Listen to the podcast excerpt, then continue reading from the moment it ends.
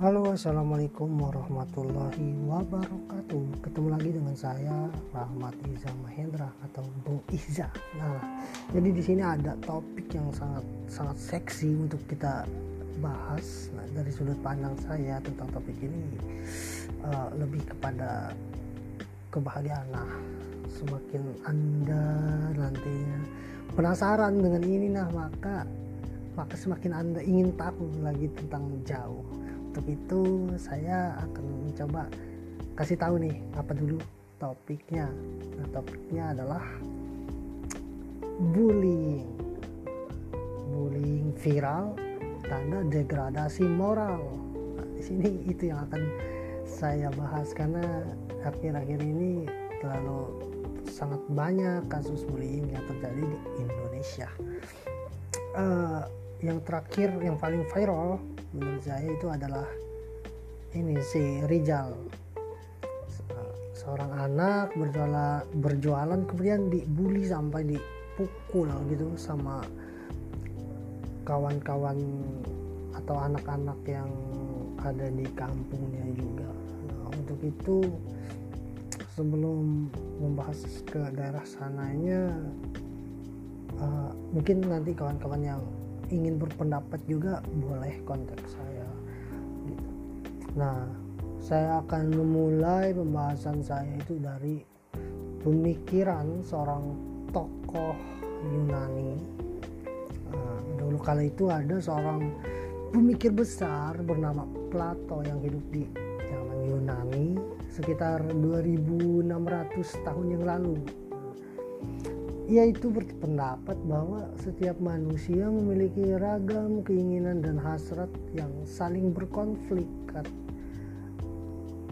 Berkonflik artinya semua keinginan manusia itu selalu bertentangan satu sama lainnya serta bahwa manusia itu harus mengatur semua hasrat yang bergejolak di dalam dirinya tersebut. Nah, pada tulisan Plato ini ia menyebut adalah seorang bernama Georgias. Georgias ini maksudnya ditulis dalam tulisan Plato itu sebagai uh, tokoh fiksi yang mendeskripsikan atau menjadikan simbol orang-orang yang ada pada zamannya waktu itu.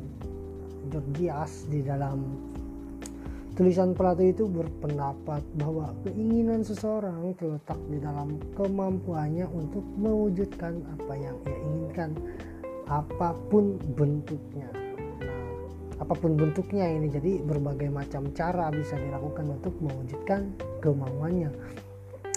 Kemudian Georgias menyamakan antara kebahagiaan di satu sisi dengan kepuasan yang diperoleh dari pencapaian keinginan itu di di sisi lain hidup yang baik adalah hidup yang menuruti semua bentuk keinginan untuk mencapai kepuasan.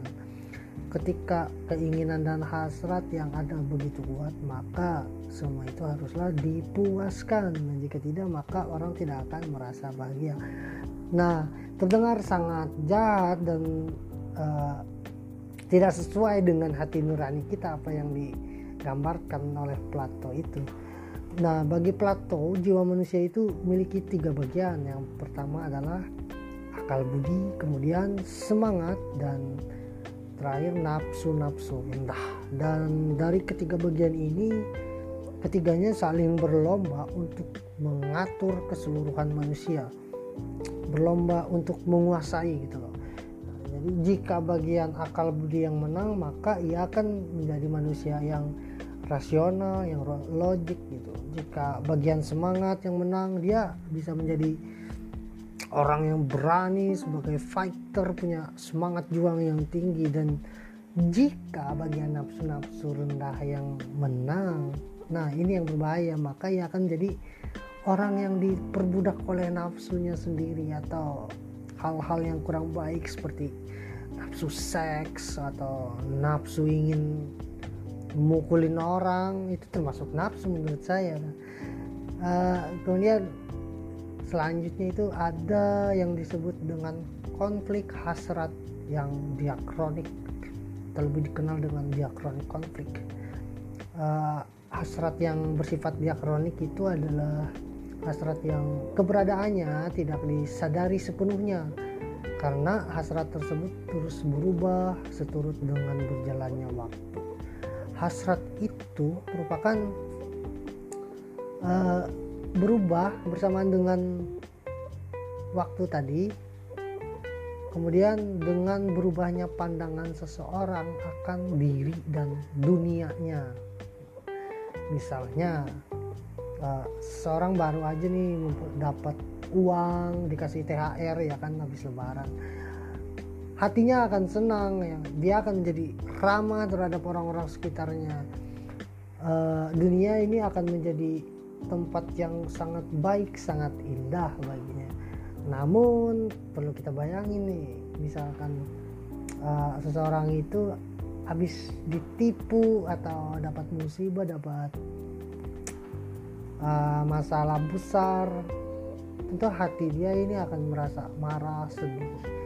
Maka orang itu akan mulai memaki-maki atau atau melakukan kejahatan uh, membuli. Kayak nyinyir gitu kan di internet bisa jadi. Memang dia akan menganggap dunia ini adalah tempat yang jahat. Jika kita meneliti dan menarik pendapat yang saya kemukakan tadi uh, saya akan mencoba lagi menggambarkan bagaimana perilaku saat ini terutama para kaula muda dalam mendapat kebahagiaannya. Nah anak muda Indonesia ini termasuk yang paling bahagia di dunia. Itu kata survei. Yang melakukan survei ini itu adalah uh, salah satu organisasi Inggris yakni Farki Foundation dia kasih skornya 90% skor umum. Dan yang menjadi parameternya adalah uh, parameter kebahagiaannya tadi adalah kepuasan tentang hidup yang dialami atau dihadapi saat ini. Maka itulah jawabannya kaum muda Indonesia menempati posisi teratas memang luar biasa terdengar kan? Nah ini bermakna apa? Bahwa kaula muda di Indonesia ini merasa paling bahagia dibandingkan anak-anak muda lain yang ada di dunia. Terus lagi yang disurvei uh, kemudian uh, apa yang menjadi faktor pendorong kebahagiaan uh, secara level global nih maka faktor yang tertinggi yang menyebabkan kebahagiaan adalah kesehatan fisik dan mental. Untuk anak muda Indonesia, komitmen terhadap agama itu adalah penyebab utama kebahagiaannya. Karena itu berkaitan dengan mental mereka. Anak-anak muda di Indonesia juga memiliki eh, mengaku nih memiliki kesehatan emosional yang baik. Uh, 40% nah, mengaku tak merasa cemas, tidak dirisak atau digubris, tidak dibully dan juga tidak kesepian. Mungkin yang jomblonya dikit. nah, pertanyaannya bagaimana dengan yang 60% tadi? Nah, balik ke kasus Komisi Perlindungan Anak Indonesia mencatat kurun waktu 9 tahun ini dari 2011 sampai 2019 ada sekitar 37 ribu kurang lebih pengaduan kekerasan terhadap anak untuk bully baik di pendidikan maupun sosial media angkanya mencapai 2473 laporan. Dan tren ini terus meningkat beriring dengannya waktu. Dan mungkin ini hanya yang tercatat yang dilaporkan. Belum lagi yang ada di luar sana. Tentunya kasus-kasus bullying ini sangat banyak. Wow. Salah satu kasus bullying oleh sekelompok remaja terhadap seorang anak yang bernama Rizal ini terjadi di Sulawesi Selatan kemarin. Nah tapi sebelumnya juga ada kasus bullying di SMP Purworejo. Kasus uh, seorang siswa kelas 7 atau 8 SMP negeri 16 Kota Malang Jawa Timur. Nah diduga menjadi korban bully juga oleh teman-temannya di sekolah. Nah akibat tindakan teman-temannya jari tengah seorang anak yang menjadi korban tersebut harus diamputasi.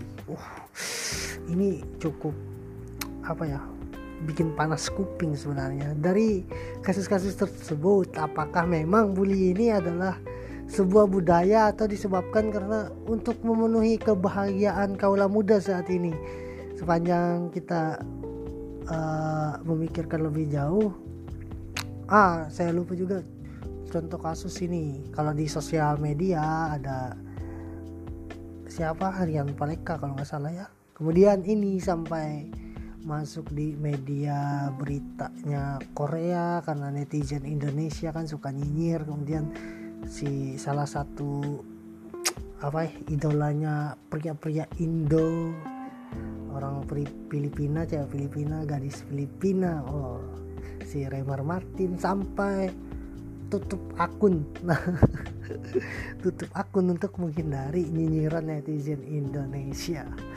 Uh uh, moral anak muda saat ini menurut saya sedang terjadi peleburan dengan nilai-nilai dari luar sana.